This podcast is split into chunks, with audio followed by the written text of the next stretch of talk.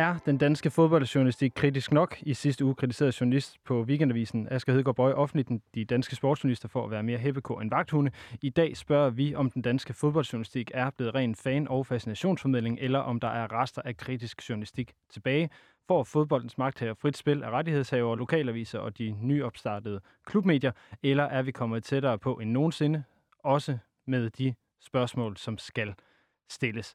Velkommen til Det Kritiske Fodmagasin. Mit navn er Lasse Yde Hegnet. Og mit er Jeppe Højberg Sørensen.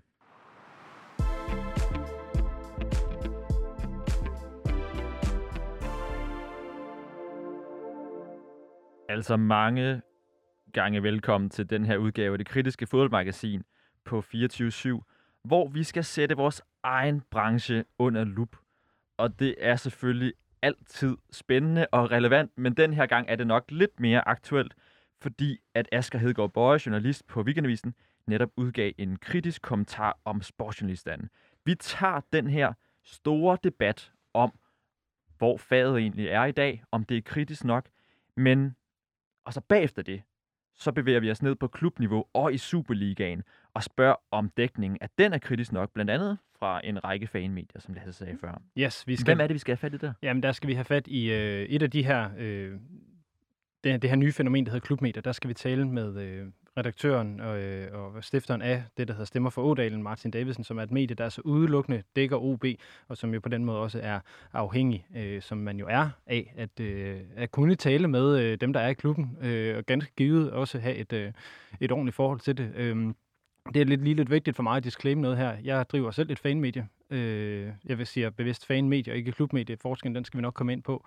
Derudover så skal vi øh, tale med øh, chefredaktør på Aarhus Stifttiden, Jens Skovby, som øh, i mange år har været særdeles kritisk over for AGF og har skrevet om alt, der øh, bankede på vandrørene ude på Fredensvang. Og det øh, er noget af det, som blandt andet har gjort, at AGF inden for en årrække har trukket sig mere og mere fra medierne. Så derfor skal vi selvfølgelig også tale med AGF og kommunikationsansvarlig Søren Højlund Carlsen om, hvorfor AGF øh, har valgt at trække sig. Om det simpelthen er, fordi lokaljournalistikken er for kritisk over for klubben, øh, til at den, den kan få reel arbejdsro.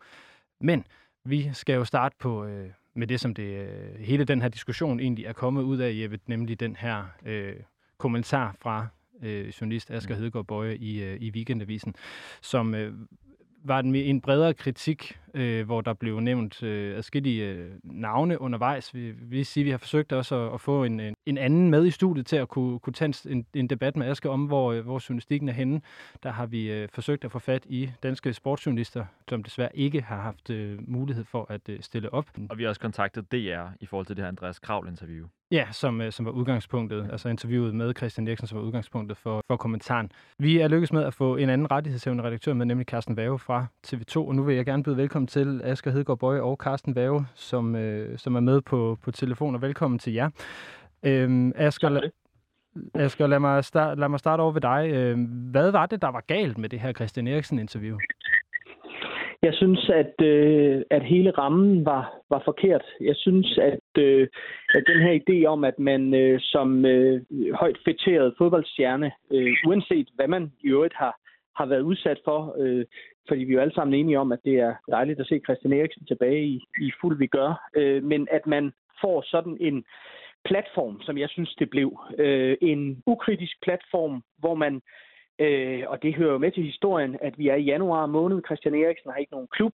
Øh, transfermarkedet er åbent, og han øh, skal jo gøre sig til, kan man sige, på en måde der, og han, på samme måde som hans hollandske agent jo at også er blevet øh, pludselig meget tilgængelig for alle medier rundt omkring. Men altså Christian Eriksen får, hvad var det, tre kvarters tid, hvor han ligesom kan, kan sidde og fortælle om sig selv, øh, og, øh, og, og mikrofonen bliver egentlig, det er mit, øh, min anke, bliver bare holdt for ham, kan man sige. Der er ikke noget journalistik i det, det er ren øh, ikke engang underholdning, vil jeg sige, men man ender i et sted, hvor man egentlig øh, promoverer en, en, øh, en, en stor øh, fætteret sportsstjerne. Inden jeg lige sender, sender et spørgsmål videre til Carsten Værge, øh, jeg skal så vil gerne høre dig, øh, hvor øh, skulle man have været kritisk? Jamen, jeg mener, når rammen er, som den er der, når man, øh, når man sætter en af, øh, af landets øh, dygtigste fodboldkommentatorer øh, og mest kendte sportsjournalister, Andreas Kravl, i en øh, hvad kan man sige, i en situation, hvor han sidder i en gylden hotel lounge i Milano foran Christian Eriksen, så er rammen ligesom sat. Så er det et royalt interview, kunne vi sige. Så er det et, interview, et ufarligt interview, øh, som Kravl også har sagt efterfølgende. Øh, det er Christians historie.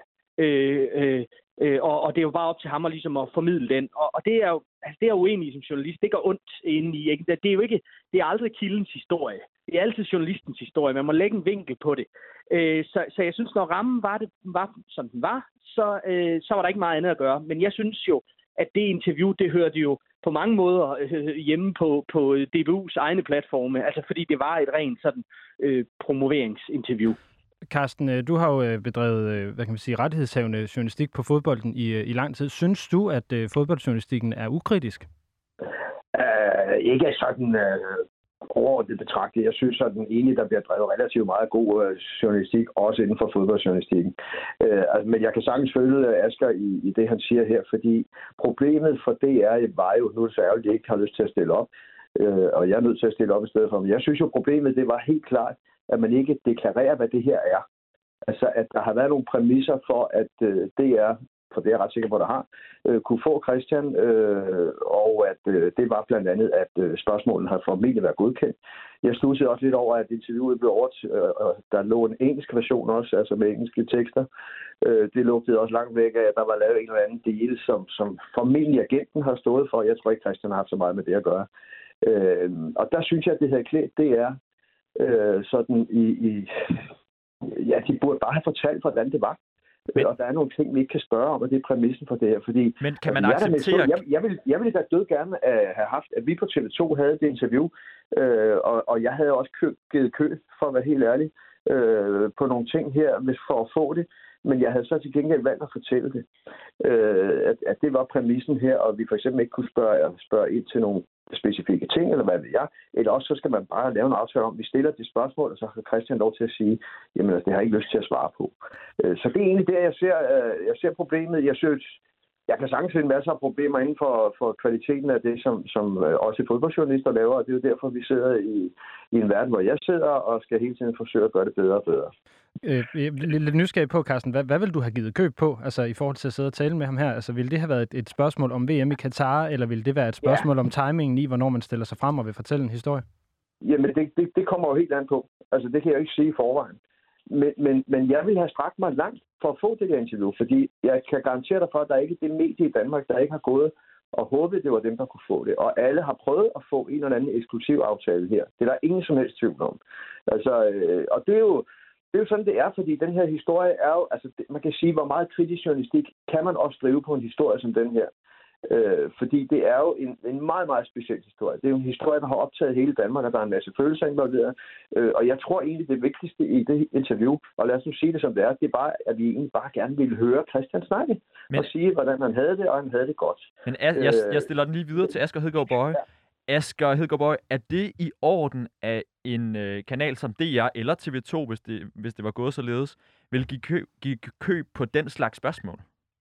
Jamen, det er, jo, det er jo helt op til det enkelte medie, og, og, og det kan jeg sagtens følge, at, at der er forskel også på journalistiske genrer. Der er forskel på øh, det bløde interview, hvor, som Carsten siger, hvor vi gerne vil høre, hvordan Christian Eriksen har det. Det er klart. Og så er der forskel på det, og så til et, til et meget kritisk interview, hvor man, hvor man, hvor man øh, går mere efter, kan man sige, manden end sagen. Men, men, men, øh, men jeg vil sige det på den måde, at, øh, at jeg er enig øh, i det her med, at man burde have deklareret det. Vi taler så frygtelig meget øh, i de her tider om, om varedeklarering, og I har også allerede gjort det så fint, inden I, I kom i gang her. Øh, og, øh, og, og det synes jeg helt sikkert, at man burde gøre. Altså det her, det, det, altså det, det er lidt at stikke blå i øjnene på, på, øh, på seerne på en eller anden måde, fordi at man øh, giver indtryk af, at det her er en hyggelig, øh, nærmest venskabelig samtale, men netop som, som Carsten også er inde på her, så er der ingen tvivl om, at de her spørgsmål er klaret på forhånd. Om de er clearet med, med, med Eriksen, om de er klaret med hans agent, og, og om de, de er klaret med DBU, det ved vi ikke. Det kan vi kun gisne om, men, men, men der er ikke noget, der foregår øh, hvad skal vi sige, tilfældigt i, i, øh, i sådan en ramme. Øh, så det synes jeg helt sikkert, at, at man burde gøre, eller også som, som Carsten siger, det med at stille, øh, inden at Christian Eriksen ved, øh, vi stiller de her kritiske spørgsmål, men så kan du få lov at glide af på dem, men de skal, de skal trods alt være der, øh, de, de kritiske spørgsmål. Øh, og jeg synes, det er enormt vigtigt, fordi at vi i fodboldverdenen Ligesom i øvrigt i, i, i en politiske verden kunne man også bruge som parallel, men i fodboldverdenen, vi bevæger os et sted, hvor der er så stærke interesser. Der er så stærke økonomiske interesser, og det, kan I jo, det kommer I jo formentlig ind på senere i jeres øh, debat om, om, om, øh, om øh, fanmedier og klubmedier, men, men klubberne, øh, landsholdene, forbundene vil så gerne styre kommunikationen. Og de vil allerhelst, at selvfølgelig at de bedste historier, de rareste historier kommer ud hele tiden. Og der er det vores forbandede pligt som journalister at være, som men, jeg kan se, men, nogen også øh, skyder mig i skoene i forhold til det at være akavet, være, være upassende øh, i forhold til øh, de kilder, vi omgås. Hvor tit øh, vil du så mene, at man skal, man skal være ubehagelig? Fordi det er jo også netop det her, som, som Carsten var inde på før, at vi, man vil bare gerne høre, at øh, faktisk bare Eriksen fortælle om de her øh, mm. ting, der, der er sket. Så kan, altså du, du er selv inde på i, i, din, i din klumme, at der er en forskel mellem øh, det her fanfascination mm. og så det her med, med at være, være vagthund. Øh, kan man gøre det ene, uden at gøre det andet? Øh, ja, men man kan sige, min, en del af min øh, irritation, kan man godt sige, over det her interview, og nu er det jo brændærgerligt, at DR ikke har haft øh, lyst og mulighed for at stille op her, men det er jo en, en fornemmelse af, at det her det ikke står alene. Altså det er en fornemmelse af, at man, og det vil jeg gerne sige højt fra øh, DR-sportens side, ikke øh, øh, for mig at se øh, gør meget andet med det danske fodboldlandshold, end at, øh, hvad skal vi sige, formidle fascination. At, øh, hvad hedder det, at, øh, altså, øh, fortælle den gode historie, og som de også selv siger i det er samle danskerne. Og det synes jeg kan være fint at gøre også, men man må også gøre det andet. Det er, sporten har på mange andre punkter, altså øh, svømmedokumentaren som eksempel, vist, at de sagtens kan bedrive øh, klassisk kritisk journalistik. Jeg synes bare ikke, at de har gjort det med det danske fodboldlandshold i overvis. Nu bliver det jo så TV2's opgave i de næste seks år i hvert fald, at øh, håndtere landsholdet, dække landsholdet. Carsten Vave, vil I dække det anderledes, end DR har gjort traditionelt? Ja, ja. Altså, for at være helt ærlig, så uh, hvordan DR har gjort og ikke gjort, det mm. interesserer mig ikke. Hvordan vil I øh, gøre det? Men det, der interesserer mig, det er jo, at jeg, jeg sidder jo lige nu og, og prøver at ligesom, danne mig et overblik over, hvordan og vi kommer til at gøre det her.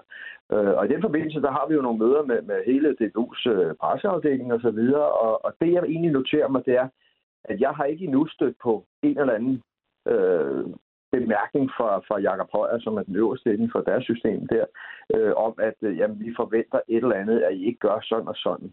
Altså, og jeg kommer ikke til at lave en eller anden aftalt præmis om, at vi ikke må forholde os kritisk til dem. Selvfølgelig gør jeg ikke det. Mm. Øh, men jeg noterer mig også, at det heller ikke er noget, de, de sådan ligesom øh, kommer og siger, jamen, øh, kan vi regne med, at I ikke er alt for hårde ved os, hvis der sker et eller andet? Nej, for det kan de ikke. Og det er klart, der er vi jo nødt til at agere helt almindelige journalister. Vi har en nyhedsafdeling, som, som også er det, at vi har folk, der skriver klummer, øh, som, som har lov til, der er jo ikke nogen begrænsninger på, hvad de må og ikke må i forhold til det journalistiske. Så for mig er det til enhver tid, hvis der er en historie, der, der kræver, at man går meget kritisk til værks, så gør man det. Øh, og, og, og, og så vil der være andre gange, hvor, hvor, hvor der måske ikke er så meget, hvor det netop handler om fascinationen. Fordi vi er jo også ude på at dyrke fascinationen, så vi kan få en masse folk til at, at blive ved med at synes, det er dejligt at se det fodboldlandshold. Men det, betyder ikke, at, altså det betyder jo ikke, at man ikke, hvis der sker et eller andet kontroversielt eller et eller andet, så kommer vi der til at blive lige så meget til bolle som alle andre, øh, og formentlig mere, tror jeg, fordi jeg, jeg er fuldstændig enig med, med, med Asger i, at der er mange steder, hvor, hvor det bliver sådan lidt lattejournalistik. Mm. Øh, og det kommer, det kommer ikke til at ske fra vores øh, del af skrivebordet, det kan jeg garantere, fordi altså, det er jo derfor, vi har gode journalister ansat. Hvor, hvor bliver det lallejournalistik hen? Hvad siger du? Undskyld. Hvor bliver det lallejournalistik hen? Øh... Nej, altså det, det, det er jo tit øh, sådan lidt... Øh, vi rider med på Roligan-bølgen. Altså det så vi jo øh, med de fleste medier under, under sommerens EM, og der var jo heller ikke så meget grund til andet end at, at juble over det der hold. Som, altså det er jo også det der hver ting til sin tid. Altså der var det jo mm. på sin plads selvfølgelig. Men jeg, jeg synes jo tit, at der er mange spillere, som man ikke tør gå til, fordi man vil også gerne kunne komme til dem en anden god gang, for eksempel. Ja, øh, og... Det synes jeg tit, jeg ser hos nogle journalister, Øh, og det synes jeg selvfølgelig er lidt ærgerligt, fordi det er ligesom ikke det, der er meningen med det hele. Øhm, og, og, og jeg synes, øh, Men er det... jeg synes at det her jeg synes i mange år, der, der er jo plads til forbedringer, ligesom der er plads til forbedringer inden for, for, for de politiske journalister og alle mulige andre genrer inden for vores fag. Øh, og det skal der hele tiden være. Det er jo hele tiden det, vi skal stræbe efter. Øh, og jeg synes jo, det er dårlig journalistik, at I ikke er i stand til at få DR i tale her. Det, det, det, det burde jeg være i stand til at overtale dem til, øh, hvis jeg nu skal være lidt grov over for det kritiske fodboldmagasin. Må du meget det må du meget gerne. Det er ligesom intention med, vi er her. ja, men altså, du ved, altså, der vil jeg jo have hægtet mig fast, fordi jeg er jo en gammel bulldog, ikke? Mm. Øh, men men, men øh, selvfølgelig, øh, selvfølgelig skal vi da hele tiden være opmærksom på, om vi gør det godt nok. Det kommer jeg også til at være, der hvor jeg er, er fodboldchef nu på TV2. Øh, altså, og det ved folk også godt. Altså, vi har meget intern kritik. Vi har meget kritik af vores rapporter. I øjeblikket arbejder meget med, at vores rapporter skal være bedre journalister osv. Øh, om det lykkes eller ej, det vil vise sig.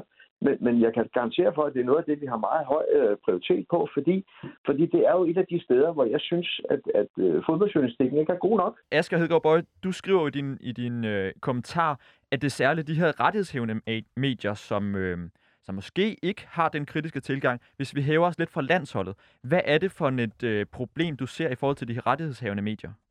Nej, men det, det er øh, ikke så meget et spørgsmål, om de er dygtige nok til det eller ikke. Det er simpelthen et sådan helt grundlæggende øh, udfordring, kan man sige, fordi at man, som øh, Carsten også skitserer, som rettighedshavende øh, tv-station for eksempel, øh, jo er i det her spændingsfelt mellem, man på den ene side skal øh, formidle en fascination, og man vil gerne have folk øh, til at, at, at støtte op om, om, om fodbold, når man vil gerne have seere og læsere osv., og og så på den anden side har man også en journalistisk forpligtelse til at, at gå til øh, og, og, og gå til øh, gå til sagen. Så, så, og det er enormt svært øh, at løse.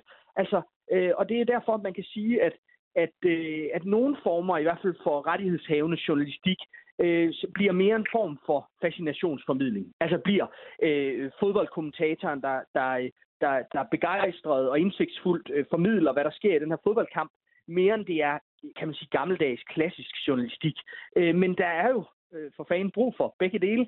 Øh, men, men det er, øh, og det er jo det, det, den stol, Carsten sidder i nu, det er jo en, en svær balance ofte. Øh, og jeg tror også, det hænger sammen med noget, som ikke kun begrænser sig til sportsjournalistikken, men som også gælder for eksempel kulturjournalistikken, som jeg også selv er, er lidt en del af. Den her øh, forelskelse, der kan være i kilderne. Altså for, øh, den, øh, og det ser vi jo også i sportens verden. Det her med, at man på den ene side, det kender jeg jo også selv, Altså, at man elsker fodbold øh, over det meste andet på jorden, og, og, og ser op til de her fodboldstjerner, man er fulgt siden man var barn, og, og klubber og landshold osv., og, og så skal man samtidig være være, øh, være, være kritisk. Øh, og det, altså, det er, det er en, øh, en udfordring hver eneste dag som sportsjournalist, og det er jo egentlig også det, det smukke ved det, kan man sige, fordi vi beskæftiger os med noget, både Carsten og jeg og jer to, vi beskæftiger os med noget, som vi synes er super fedt. Altså, vi er ikke øh, fuldstændig, øh, hvad skal vi sige, øh, isnende kolde over for, for, for det, vi står over for. Øh, vi, vi har faktisk følelser med i det her. Øh, jeg, jeg, jeg skal ikke må, jeg, jeg, må, jeg, må jeg tilføje lidt her, fordi altså, øh, selvfølgelig, selvfølgelig kan der være sådan, øh, det er en svær balance. Øh, det, det, det medgiver jeg, men, men jeg kan jo så bare sige, for eksempel, da, da den europæiske Superliga lige pludselig bullede frem samme dag, øh, det kom frem med alle de der forfærdelige rygter om, at man nærmest ville underminere hele fodbolden ved at lave en europæisk Superliga. Jamen, der laver vi en, øh, jeg tror, vi laver en times program øh, live, øh, hvor, hvor vi debatterer det her, hvor vi diskuterer det. Selvom vi jo på daværende tidspunkt jo havde en aftale allerede med, med UEFA omkring rettigheder på øh, Europa Conference League, det betyder jo ikke, at vi ikke kan lave kritisk journalistik. Øh, og det gjorde vi på stedet. Øh, og og, og jeg, forvar, jeg forventer jo, at, at dem, der skriver klummer øh, og så videre hos os, eller dem, der, der er vores ansigter udad til, de er markante. Vi er jo tit, jeg er jo tit med i news, hvor jeg også kan forholde mig til nogle ting sådan rent kritisk. Øh, og det er jo, altså for mig er det en meget vigtig del af præmissen, og jeg tror også, at når man dyrker den linje, som vi prøver at dyrke her, så tror jeg egentlig også, at man får mere respekt Øh, ikke at det er det, vi er afhængige af, men, men er, er også spillerne synes, det er meget spændende, at vi ikke altid er enige med dem. Det forventer jeg egentlig, fordi jeg synes jo, det er helt almindelige mennesker, som, som godt kan lide en god diskussion. Og, og jeg tror sådan, det, det er en misforståelse, at man ikke kan gøre det. Øh, men det er en tradition. Øh, og jeg er jo så gammel, så jeg har også været journalist i, i, i, i de helt gamle dage, hvor journalisterne ingen der at tale med spillerne, men alligevel kunne lave udtalelseshistorier. øh, altså, det, det var jo sådan, det foregik. Øh, det var det, fordi der var, der var nogle spillere, der havde aftaler med, eller nogle, nogle spillere havde aftaler med journalister, I skriver bare, hvad I synes. Altså, så egentlig har det, øh, det har måske altid været et eller andet sted, nogen, i nogle områder i hvert fald et problem. Men, men jeg synes jo egentlig, at man skal passe på med at sige, at det er sådan, det er sådan, det er generelt. For det synes jeg ikke. Jeg synes også, der bliver drevet meget god journalistik. Jeg synes, der bliver drevet rigtig meget lortig journalistik. Alle mulige podcasts, som er lavet af, af undskyld mig, lallende amatører, som, som bare sidder og, og har lyst til at fortælle, hvor kloge de selv er. Øh, så på den måde synes jeg jo, altså det er et meget broget billede. Mediebilledet er ikke blevet mindre broget med årene. Øh, men det har altid været det, hvis, hvis I forstår, hvad jeg mener. Det er jo, det kan man jo gøre, som, som person, så vælger at gøre op med, eller også kan man sige, at jeg er sgu ligeglad. Mm. Altså, så kan jeg sige, der, det, der, der, der tager vi den første ja, jeg, jeg, jeg bliver lige simpelthen nødt til lige at stoppe den her, fordi vi, er, simpelthen, vi skal, skal videre i vores program. Jeg har lige et enkelt sidste spørgsmål, jeg skal hedde Bøje til dig nu, hvor det er dig, der har skrevet den her klumme om den kritiske sportsjournalistik. Hvornår har du sidst selv bedrevet kritisk øh, interview? Øh, jeg har bedrevet kritisk journalistik i løbet af det sidste år i forhold til øh, DBU, øh, i forhold til Katar, øh, i forhold til DBU's sponsorer og fansenes utilfredshed osv. Så, så, så det er også noget, jeg gør. Øh, og samtidig har jeg også skrevet begejstrede reportager fra parken i, øh, under EM øh, i sommer. Øh, så øh, man skal kunne begge dele, øh, i, også i sportsjournalistikken. Asger Hedegaard Bøje, øh, journalist på Weekendvisen, og Carsten Værge, fodboldredaktør på TV2. Tusind tak for, at I vil være med her.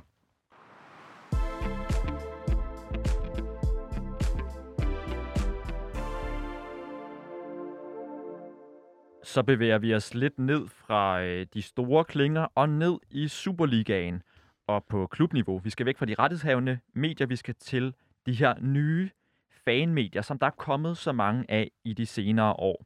Altså medier, der er drevet af fans, enten med eller uden støtte fra de klubber, som de følger, ofte meget intenst med op til flere podcast om ugen.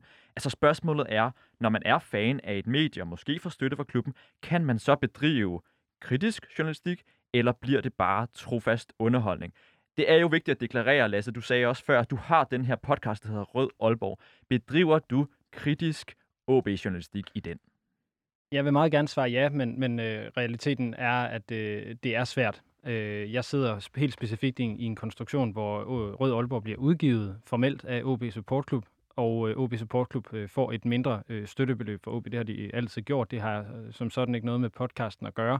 Men det er da klart, at der er en, en, øh, der er en interessekonflikt, som øh, særligt efter jeg er begyndt at lave vores program, jeg er blevet, øh, har det lidt sværere og sværere med, men jeg er også meget bevidst om, at det er et, et fanmedie. Det er det, derfor, jeg gerne vil skille mellem fan- og klubmedier, fordi jeg kommer gennem en fanklub. Mm. Øh, et medie som Brøndby Lyd, eller tre point, som dækker Brøndby, er selvstændige. De får ikke støtte af klubben. Et medie, som stemmer for Odalen, er ikke associeret med OB eller med deres fanklubber, så det er det, vi kalder klubmedier. Vi har i går talt med sportsjournalisten Martin Davidsen, der netop er redaktør og vært på den øh, OB fan-podcast, som hedder Stemmer for Ådalen, eller måske klub-podcast, hvis, du, hvis den der skældning, den ligesom dur. Vi spurgte ham, øh, om han bedriver kritisk journalistik, OB-journalistik, ikke mindst i forhold til magtører, øh, magtfulde aktører i klubben, som for eksempel ejer og bestyrelsesformand Niels Thorborg. Ja, det synes jeg jo blandt andet, vi er. Altså hver eneste uge, så kritiserer vi jo ting i OB, og de fem år, vi har optaget, der har der været rigeligt at kritisere, så vi har været efter dem både i forhold til, til trænerfyringer og, og om de rigtige spillere der er blevet købt, og om Torborg han øh, bruger pengene rigtigt og så videre. Det, det vil jeg bestemt mene, at vi er, men vi har jo også plads til de andre, til de andre ting, som, som fodbold og sport og journalistik også rummer, nemlig begejstring og, og glæde. Men øh, jo, vi er kritiske. Så er I også kritiske over for Niels Torborg? Ja, det synes jeg. Altså, jeg tror, at han er den, der har fået flest øh, slag oven i hovedet i vores podcast. Øh, nu øh, stiller han jo ikke op til, til interviews så ofte. Når han gør, så har vi også forsøgt at stille de spørgsmål, der kan være lidt irriterende for ham. Øh, men, øh, men jo, det synes jeg. Vi har jo blandt andet hørt her i vores forberedelse et interview med øh, ejer- og bestyrelsesformand Niels, Niels Thorborg. Det er et interview, i, i Stemmer for 8 lavet den 5. februar 2020. Og lad os lige først høre, hvordan øh, du præsenterer, hvordan præsentationen ligesom er Niels, med Niels Thorborg her. Det er jo et års tid siden, vi, vi var sammen sidst øh, og interviewede dig om, øh, om forskellige ting omkring OB, og vi er glade for, at du vil være med igen. Ja, det var, det var hyggeligt sidst. Jeg håber at også, det bliver i dag. det er godt. Ja, det er jo, som jeg sagde sidst, tror jeg, det er ikke et interview, hvor vi sådan skal grille Thorborg, men vi er nysgerrige omkring nogle ting omkring OB. Vi skal tale om dit engagement, engagement i klubben. Vi har jo hørt, lyttet det her interview igennem. Er det vigtigt, mm. at Niels Thorborg også skal have en hyggelig stund i, i interviewet her? Nej, det er det ikke, men jeg vil også sige, at øh, podcastmediet jo øh, lægger op til samtale, synes jeg. Mm. Og øh, jeg er jo, øh, det er jo bare min måde at vurdere tingene på, som vi siger, men, øh, men vi skal sidde en time sammen, og der vil jeg som lytter gerne have, at øh, lytterne også har en, øh, eller som vært, vil jeg gerne have, at lytterne har en, en, øh, en fin oplevelse med det. Der synes jeg, at en times øh, mundhuggeri, det vil øh, være træls. Så derfor er rammen jo, at det skal være en, en samtale mellem øh, Niels Thorborg og mig, og så Morten Skov, der er med i, som medvært i, i den udsendelse her. Øh, mere end at det skal være det her øh, meget øh, kritiske Martin Krasnik-interview, hvis vi skal nu skal bruge ham som, øh, mm. som en af forbillederne i den genre. Der synes jeg, at den her podcast, samtale, podcast-interview, det er ikke den ramme, hvor man, hvor man laver revolverspørgsmålene. I løbet af interviewet, der kommer vi med nogle, nogle spørgsmål, der stikker lidt, og, og som, øh, som spørger, om, om, han har, om de har truffet rigtige beslutninger osv. Øh, og det vil være en del af det. Men, men når jeg siger det her i indledningen, at vi skal grille Tuborg, så er det for at forberede lytterne på, at det, det er ikke her, vi, vi har ikke inviteret os selv på besøg for at, at save ham midt over, men for at have en nysgerrig samtale om, om hans engagement i OB. Men bliver forhindrer rammen der så i at være kritisk? Nej, det synes jeg nemlig ikke, fordi jeg synes, at vi, vi, jo, vi stiller nogle... Øh, ja, jeg, jeg kan sikkert godt finde nogle bløde spørgsmål i den, i den uh, snak der, men, men der kommer også kritiske spørgsmål, og vi stiller, stiller også spørgsmål om, hvorvidt øh, at han øh, har brugt penge rigtigt, til, om han har truffet nogle ordentlige beslutninger, om han blander sig for meget. Øh, det stiller vi også spørgsmål om, og, og nu, det er jo ikke en kritisk hørt, Nu har jeg hørt udsendelsen. De spørgsmål der, dem stiller jeg altså ikke i den udsendelse. Synes du ikke? Det synes jeg ikke, gør, nej. Okay. Jeg... Men det, det er din måde at vurdere tingene på, men, men jeg vil stadigvæk fast i, at vi i de snakker, vi har haft med Torborg, mm. både har nogle, øh, nogle, øh, nogle bløde spørgsmål og nogle øh, svære spørgsmål. Er der også, altså er der noget om, at en mand som Niels Thorborg sjældent stiller op til interview, så man, er også, man har også en interesse i, at han, han skal være tilfreds med interviewet, når han går ud af studiet? Altså, jeg, der, jeg har det jo altid sådan, at jeg vil gerne be, behandle mine øh, kilder ordentligt, og vil gerne kunne se dem i øjnene bagefter. Mm. Øhm, og vil også gerne kunne invitere dem i studiet øh, igen efterfølgende. Han har jo ikke været her de sidste to år, siden vi lavede det interview, så det kan da godt være, at vi har været for kritiske. Øh, men, øh, men altså, jeg, øh, jeg har ikke en ambition om, at vi skal være gode venner med Niels Thorborg overhovedet. Tværtimod. Øh, men, øh, men altså, jeg vil gerne beholde, behandle dem, der er med i podcasten ordentligt, og, øh, og, og derfor øh, ja, vil jeg jo heller ikke være, være uvenner med dem, men jeg har heller ikke noget behov for at være venner med dem. Men altså, går, går det her med så, og, altså, hvis nu siger vores påstand vil så være, at der, der, der kunne være flere kritiske spørgsmål i, i det her interview, men vil den her måde at, at bedrive interview på gå med, med andre magthavere?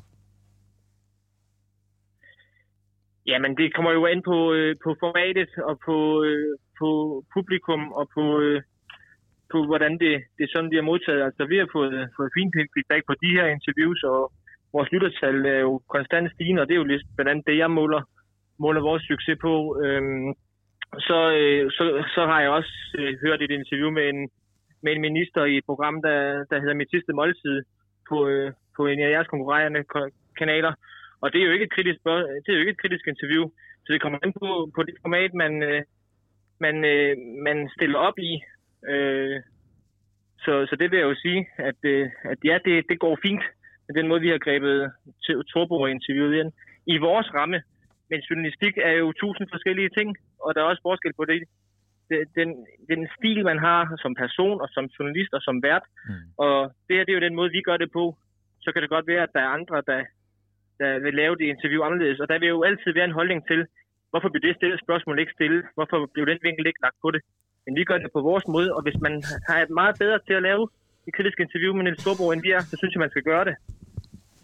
Øhm, det er jo, det er jo en, en fin opfordring at give videre nu ja. har vi jo det her fokus på, på den kritiske fodboldjournalistik. Og så har vi jo ringet til dig også på grund af på de, de her fanmedier, som ligesom vokser ret hastigt rundt omkring i landet. Hvad er det, de her fanmedier kan tilbyde ja, lytter og interesseret i klubben osv.? Jamen det er jo øh, en, øh, en nuanceret og, øh, og ekstremt tæt dækning af et specifikt fodboldhold. Øh, det er jo ingen hemmelighed, når man kigger på, på medieudviklingen de, de senere år. Jeg sidder faktisk med det lige nu, fordi jeg også underviser i journalistik mm. på en højskole. Øh, jamen, så, øh, så ser vi jo øh, de her landstækkende medier nedprioritere øh, nogle, øh, nogle, nogle lokalområder, og her i den her sammenhæng nogle fodboldhold, det er længe siden, at, at Ekstrabladet havde en, havde en fast mand til at dække OB. Mm. BT er lige kommet med på bordet, på, med ombord igen. Jeg tror ikke, at det hverken DR eller TV2 har nogle dedikerede OB-reportere. Øh, så der er et hul i markedet, som, øh, som jeg har fundet som, som en, der, der dækker OB. Og øh, det gør jo, at, at vi kan levere en, en dækning af OB, som øh, man ikke finder andre steder, hverken i forhold til, til volume eller i forhold til øh, dedikation, og så må andre vurdere, om, om kvaliteten af andre er større andre steder, men øh, jeg synes jo selv, det går fint. Nu har du baseret rigtig meget af, at, øh, at, altså medier stemmer for Odalen på en, en, en god kontakt og så videre med øh, OB som, som klub og som, som institution. Hvor vigtigt er det, at, at de også er tilfredse med det samarbejde for, at, at, øh, at den her podcast og det her medie, det kan køre? Det er egentlig ikke øh, super vigtigt. Øh, vores største del af udsendelser, vi laver, det handler jo øh, om, at vi sidder og snakker om OB. Det ville vi jo godt kunne gøre, selvom de ikke var, var med. Men øh, selvfølgelig har vi som alle andre medier en interesse i at øh, også kunne tale med dem, vi, vi dækker. Øh, så selvfølgelig vil vi gerne have et ordentligt og professionelt forhold til OB. Men jeg har, øh, jo, jeg har tit haft en kommunikationsmedarbejder i røret om, om, at vi har været irriterende. Men jeg har aldrig øh, skulle, skulle rette ind i forhold til, hvad, at de har kommet med en øh, med noget, vi har skulle, øh, skulle lave om, eller ikke har måttet spørge om, eller så videre. Øh, og det er, jo, det er jo det vigtigste for mig, det er, at vi har totalt redaktionel frihed, og det har vi. Det sidste spørgsmål er et ja-nej-spørgsmål. Øh, Martin Davidsen, mener du, at klubmedierne i Danmark er kritiske nok over for de klubber, de dækker? Uh, nu har jeg ikke hørt. Ja, det er ja-nej. Øh, dem, jeg har hørt, ja. Martin Davidsen, øh, redaktør på Stemmer for Odagen. Tusind tak for, at du vil være med her. Selv tak.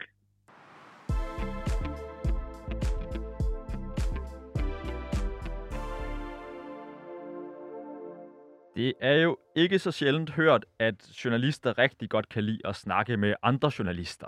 For andre journalister til at vurdere sig selv. Og det synes vi ikke kun det her program, det skal bestå af, når nu vi taler om den kritiske fodboldjournalistik. For hvordan synes klubberne egentlig, at journaliststanden dækker dem? Altså, at der nok bid i journalistikken, eller er den måske ligefrem for kritisk? En af de klubber, der altid er i spotlyset i Danmark, det er jo AGF, og i vores optælling, der er der blandt andet fem forskellige podcasts, der ligesom handler om AGF på den ene eller den anden måde. Det er Aarhus Stiftstidende til Jyllandsposten, og så er det nogle uafhængige. Øhm, og så er der selvfølgelig altid Aarhus Stifttidene, som altid har en stor interesse i klubben, og måske også går hårdt til den, måske for hårdt. Derfor har vi nu ringet til Søren Højlund Carlsen, der er kommunikationschef i AGF, for at høre, hvordan man ser på pressen omkring klubben. Søren, kan du høre mig?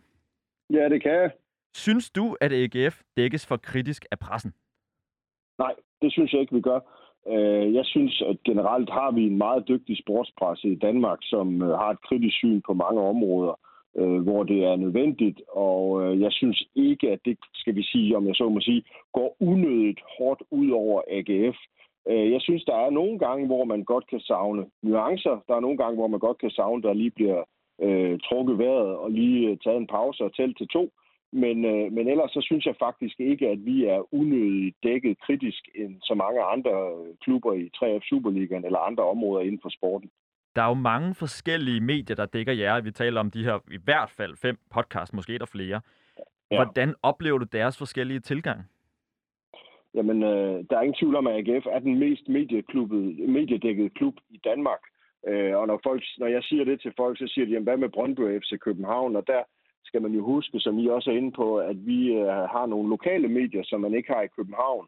Øh, men dertil kan du så også godt lægge alle de nationale medier. Så, så vi har mange øh, medier, der interesserer sig for os. Øh, der er også kommet nye medier til inden for de senere år. Øhm, og vi oplever måske ikke den store forskel, når det sådan handler om den klassiske kritiske sportsjournalistik. Der, hvor vi oplever en forskel, det er med den forretningsmodel, som de enkelte medier har mm. som betyder, at der er visse medier, hvor øh, vi oplever, at øh, journalistikken kan, kan blive fordrejet, den kan blive skarpvinklet, forenklet, Hvad er det for situationer? Jamen, det er øh, primært de medier, som er digitale og som arbejder med en forretningsmodel, der indebærer klik og læser og eyeballs øh, til deres annoncører.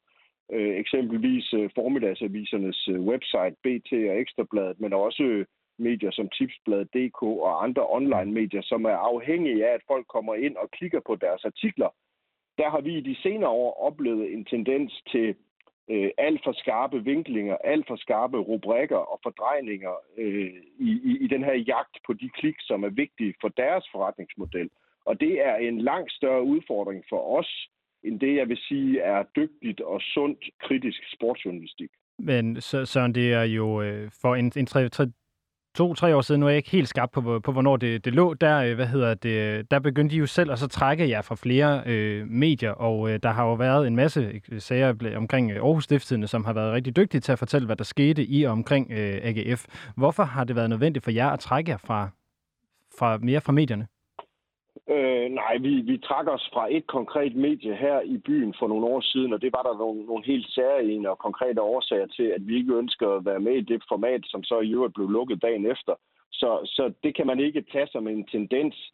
Det, som der er sket, det er, at vi i de senere år som klub øh, har fået, tør jeg godt selv sige, en, øh, skal vi sige, en mere professionel koordinering af vores øh, mediearbejde øh, i og med, at vi netop er så dækket, som vi er, jamen så, så har vi øh, behov for at have en større styring og en større koordinering af vores mediearbejde. Øh, og, og det betyder jo så, at der en gang imellem øh, er, bliver, bliver foretaget et valg simpelthen mellem de forskellige medier, der interesserer sig for os. Og derfor øh, er vi nogle gange nødt til at, at, at sige nej til interviews for, for eksempel. Og, og, og det oplevede man måske ikke for 10-15 år siden, at fodboldklubber gør, men det gør vi i dag, og det er simpelthen fordi, at, øh, at vi, øh, ja, vi har 24 timer i døgnet, og vi har kun så så mange fodboldspillere og fodboldtrænere, så derfor er man nogle gange nødt til at vælge mellem de medier, som interesserer sig for os. Det program, som Lasse lige talte lidt om her, øhm, som I så i gang satte, dengang I trak jer fra Horup, øh, er det ikke det, det hedder? Fodbold med Horup. Fodbold med Horup. Det er det her program, der hedder Agenda, som I så lancerede på AGF TV. Har I stadig det program på AGF TV? Nej, vi kørte det som en serie, hvor vi besøgte alle vores koncernpartnere, og, mm. så, og så lagde vi det lidt i skuffen igen, fordi det var enormt tidskrævende for os at lave. Men øh, vi er glade for at kunne fortælle, at vi opruster på den del igen, og at vi her fra foråret starter et nyt ugenligt tv-magasin, som vil komme på vores platform. Fordi vi jo netop øh, har nu muligheden for at komme ud til en ret stor kritisk masse som fodboldklub. Vi øh, har 50.000 mennesker, der modtager vores nyhedsbrev en gang om ugen, øh, og de skal også have noget ordentligt seriøst content. Så, så vi har mulighed for at ramme nogle mennesker, som man ikke havde før i tiden, og der iblandt også med tv, eksempel også lyd, som, som I jo laver, øh, ser vi jo også en tendens til, at flere og flere klubber kaster sig over. Men er I så kritiske over for jer selv i de her øh, i, i de ting, I producerer? Ikke på den måde, som øh, Aarhus Stiftstidende eller andre medier er kritiske over for os. Det er vi ikke. Det vil også være mærkeligt. Men, er I så ikke er... med til at sørge for, at der er mindre kritisk journalistik omkring AGF, ved at de selv står for så meget produktion? Øh, det synes jeg ikke, vi er, fordi der er så mange medier, der nu dækker øh, ikke bare os, men også fodboldklubber, som, som, som jo nogle af dem har, har en god kritisk tilgang til det, og, og der er vi jo stadigvæk med. Så, så jeg synes ikke, at vi er med til, at der bliver mindre journalistik, men vi er måske med til, at der nogle gange kan blive en mere nuanceret journalistik. Fordi ofte så er det jo, øh, handler det meget om de her skarpvinklede ting. Så lad os nu sige, at vi taber en fodboldkamp øh, eller to, hvilket jo er sket en gang imellem, jamen så kan, kan den kritik, der kommer der, den kan ret ofte blive meget skinger og unuanceret. Og der kan vi jo så bidrage til at måske komme med nogle nuancer i forhold til at fortælle, jamen det, det var så grunden til, at vi tabte den kamp, og, og det er så Men grunden til, at vi i år bliver ja. nummer nummer 4 eller, eller nummer 3, ikke? Og er det er jo journalist, det, jeg nogle gange kan savne. Er journaliststanden for dårlig? Nej, men jeg, jeg ved godt, jeg, jeg er klar over, hvor vi skal hen af. Er journaliststanden for dårlig til at, at samle både den kritiske vinkel og den nuancerede tilgang? Er de for dårlige til at operere med begge dele på én gang? Vi skal snakke med Jan Skovby her senere.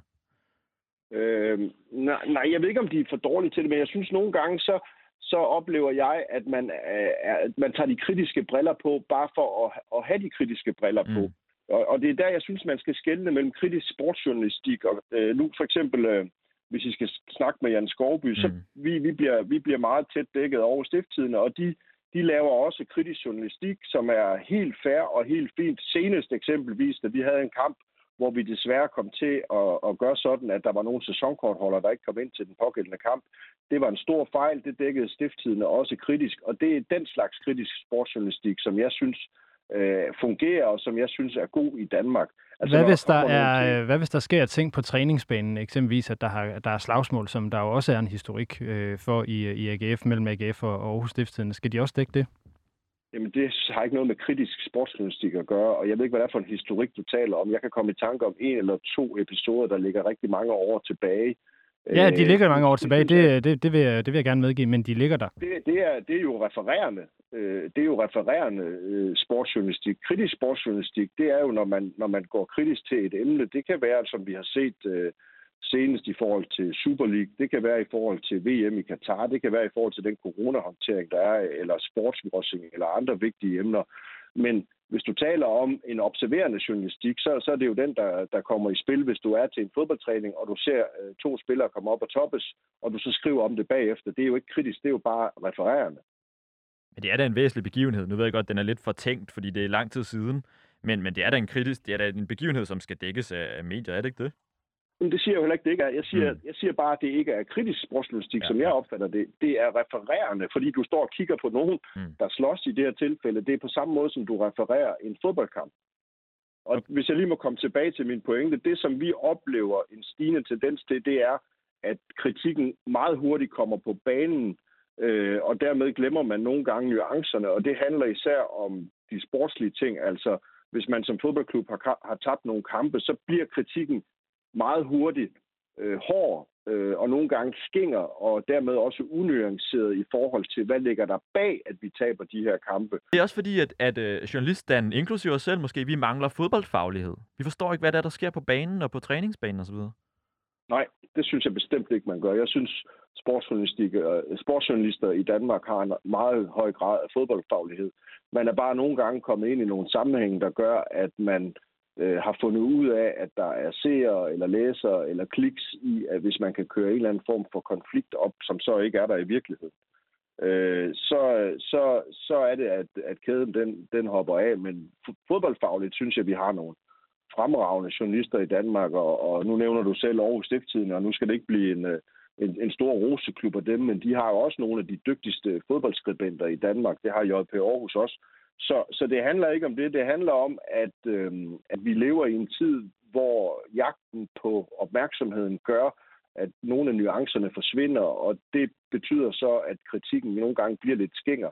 Men jeg synes, man skal skelne mellem kritiske sportsjournalistik, som handler om at se på nogle af de tendenser, der er inden for sporten kritisk, mm. og så det, der bliver lavet hver uge, hvor man beskæftiger sig med kampene og beskæftiger sig med dagligdagen ude i klubberne, at, at der kan man nogle gange godt få en fornemmelse af, at kritikken bare er der for kritikkens skyld.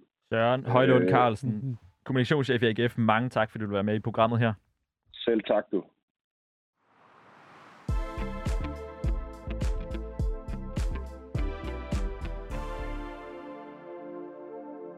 Så lad os tage den videre til øh, det lokalmedie, som måske har været allermest kritisk på, øh, på AGF. Det er nemlig Aarhus Stiftstidende. Nu har vi Jan Skovby, øh, chefredaktør på Aarhus Stiftstidende med. Velkommen til dig, Jan.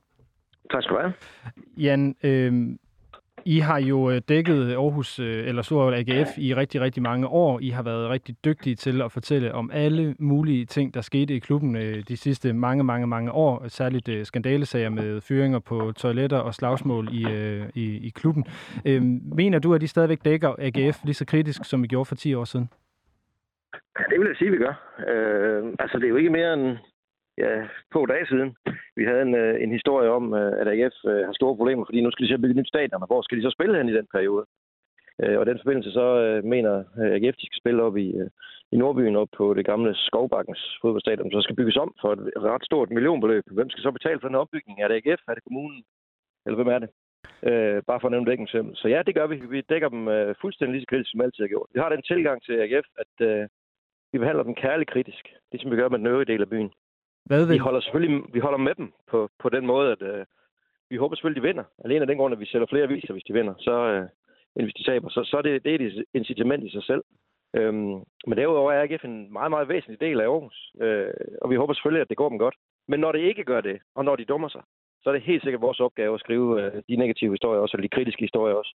Og det er det så desværre ikke altid alle AGF-fans eller AGF, der har helt forståelse for det når I laver den her slags, øh, eller lad, lad, lad mig spørge på en anden måde. den journalistik, I har, har bedrevet, har du et indtryk af, at det har fået AGF til at lukke sig mere om sig selv i forhold til at lave deres egne produktioner? Det er der slet ingen tvivl om, det har. Øh, AGF har jo desværre den opfattelse, at enhver kritisk øh, historie skal man for alt i verden prøve at undgå, og den er skadelig for klubben. Øh, jeg mener det stik modsat. Altså, jeg tror, jeg har haft med en 12-14 AGF-direktør at gøre i den tid, øh, jeg har været på Aarhus Stiftstidende. Øh, og af dem har der været en enkelt direktør, ham der hedder Jørgen Nos, som efter min mening havde forstået det her rigtigt. Han sagde altid, jamen han håbede selvfølgelig, at vi skrev de positive historier, men hvis, hvis der var noget, vi mente var negativt, så skulle vi i allerhøjeste også skrive dem. Fordi det er det at, øh, at drive en fodboldklub, det er jo, vi lever jo af, af, af opmærksomhed. Øh, og når vi skrev dem, så gav det opmærksomheden. Og, og øh, alle andre har haft den her idé om, at nej, for alt i verden skal vi undgå negative historier om AF. Det, det er det værste, der kan ske. Og jeg, jeg mener simpelthen, det er forkert. Blandt andet fordi, alle AGF-fans kan jo også godt se, når AGF gør noget, der er dumt. Når de fyrer trænerne, eller økonomien er elendig, eller de er ved at rykke ud af Superligaen. ikke? Men AG- Øh, AGF har jo, øh, hvad hedder det, dem som følger AGF øh, og læser jeres artikler, de følger jo også, også klubben. Hvad er der galt med, at Mm. klubben selv producerer noget indhold, som, som de smider ud? Intet. Intet galt med. Det skal klubben naturligvis gøre. Det ville være fuldstændig sindssygt, hvis klubben ikke gjorde det. Den skal selvfølgelig producere masser af, af, af glimrende øh, øh, historier. Det har bare ikke rigtig noget med journalistik at gøre. Fordi det er jo fuldstændig ukritisk, når det bliver bragt bragt på AGF's side. Øh, Og det, de glemmer AGF, er jo bare, at når jeg eksempelvis skriver øh, en kritisk kommentar om AGF, jamen, så vender fansene jo deres vrede imod mig, i stedet for at vente mod klubben. Jeg skriver jo ofte ikke noget, som fansene ikke går rundt og skriver. Men det er lidt, sammenlignet lidt det, det forhold, du har til din, øh, din familie. Du må gerne sige, min storebror, han er kraftig min idiot. Men øh, det må du gerne sige. Men hvis din kone siger, ej, jeg er godt nok træt af din mor, så vil du med det samme sige, ja, men din søster er ikke to gram bedre, hun er godt nok også irriterende. Øh, og det fungerer lidt på samme måde med AGF. Altså, jeg, jeg skriver det, som fansen også går og siger til hinanden, men de bryder sig simpelthen ikke om at læse det. Og de mener, ligesom AGF gør, at en lokalavis har som opgave ukritisk at bakke op om klubben. Og det er helt, helt, helt galt. Vi gør AGF en bjørnetjeneste, hvis vi ikke skriver de negative, kritiske historier også. Jeg er lidt nysgerrig på, øh, på hvilket øh, forhold det er, at øh, I har så får til AGF, når I, øh, I skriver de her øh, historier. Oplever du, at, at I har fået øh, mere begrænset adgang til, Ja, til AGF ja, ja. på baggrund af, at I har skrevet de her historier? Ja, ingen tvivl om det.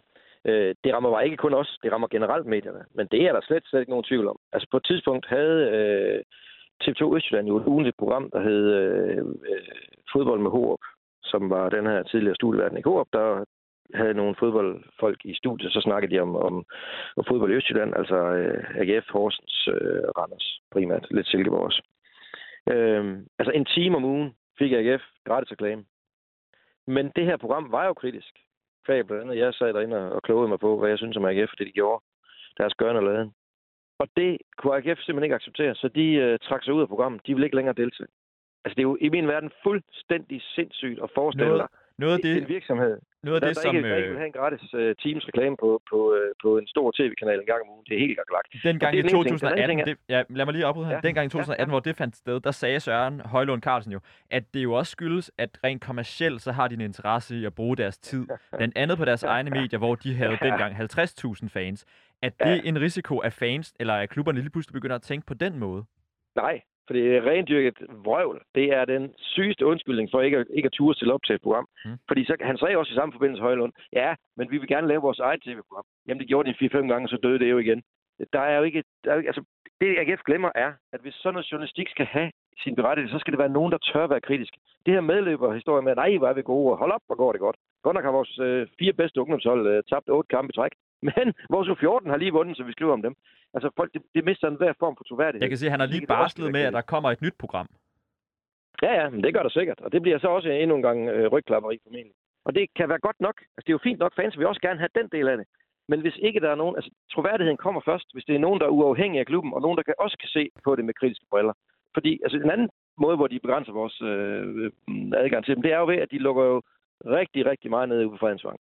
Altså, da jeg endnu var øh, sportsjournalist, øh, før jeg blev chefredaktør, der kunne vi jo komme på øh, Fredensvang hver dag, altid. Du kunne gå hen og snakke med de spillere, du havde lyst til. Nu, øh, de har godt nok undskyldt det med corona, men den er jo sådan set ved at være væk nu. Øh, og jeg vil ved, hvad det skal være med, at øh, træning bliver ikke mere åben af den grund. Øh, vi kan komme derud øh, to, øh, tre gange om ugen, øh, maksimalt, hvis vi er heldige. Og øh, to dage før en kamp, der kan vi ikke komme derud. Øh, det, er en, det er en helt anden tilgang til det. Og det er, fordi AGF har den vanvittige opfattelse, at vi skal bare fjerne enhver form for kritik i klubben, så bliver det meget bedre. Jan, lad, lad mig prøve at spørge dig i, så i forhold til den måde, som I så vælger at dække det på, når, når, når, øh, når du oplever det her, det sker. At, øh, tænker du, at, at det, det måske vil være smart at bare være mindre kritisk, og du kan få lov til at lave de interviews, du gerne vil lave? det, kommer, altså, det kommer aldrig nogensinde til at ske. Øh, vi, vi kigger på dem kærligt. Det er klart, at hvis jeg bare blev fuldstændig øh, lallende, glad, optimistisk altid, og undlod at skrive, når uh, nu, er de godt nok, nu er det godt nok tabt otte kampe træk, jamen jeg skriver stadigvæk, at de, øh, de tabte kun 3-0 til sidste kamp. Det er en Men risikerer du, så de ikke, risikerer du så ikke at blive et medie, der kun skriver om AGF og ikke øh, med AGF, hvis du forstår, hvad jeg mener? Jo, altså den, den, den risiko er der selvfølgelig, hvis AGF på et tidspunkt lukker helt ned og siger, nu er vi slet ikke med, med, med Aarhus Stiftstiden at gøre længere. Men, men så dumme er de dog trods alt ikke. Altså de har, de har forståelse for, at vi også er vigtige for klubben. Vi lever jo hinanden. Lidt ligesom de lever af os. Jamen, så lever vi jo, øh, vi lever jo også af, også af dem selvfølgelig. Øh, men det er vigtigt for AGF, at der er en kritisk øh, presse, der kigger på dem også. Kærlig kritisk selvfølgelig. Men altså jeg vil våge den påstand, at der er ingen grund til, at AGF er så stort et brand, som det er øh, øh, i dag, hvis ikke det var for vores øh, dækning af dem. Jeg Ja. skulle se OB, OB, ja. Vi har jo, øh, vi har jo her i, i programmet generelt i, i den forgangne time vil undersøge, er øh, fodboldjournalister kritisk nok generelt i Danmark? Ja. Du får faktisk næsten det sidste ord her i programmet. Hvordan vurderer du øh, tilstanden? Du har været med i mange år. Jamen, øh, jeg synes øh, generelt øh, stadigvæk, at sportsjournalistikken er, øh, er bedre end sit rygte. Jeg synes, der bliver lavet masser af god, kritisk øh, sportsjournalistik.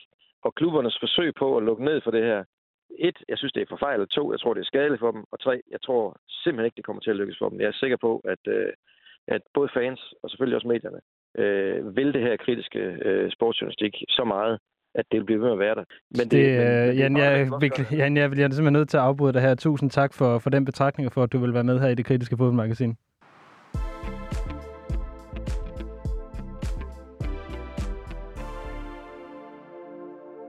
Nå Lasse, vi har et par minutter tilbage af vores program, og vi ville jo være nogle store hyggelere, hvis vi ikke lige til sidst spurgte, om vi faktisk har formået at bedrive kritisk fodboldjournalistik over for fodboldens, nogle af fodboldens magthavere. Den fjerde fodboldmagt, journalisterne. Hvad synes du?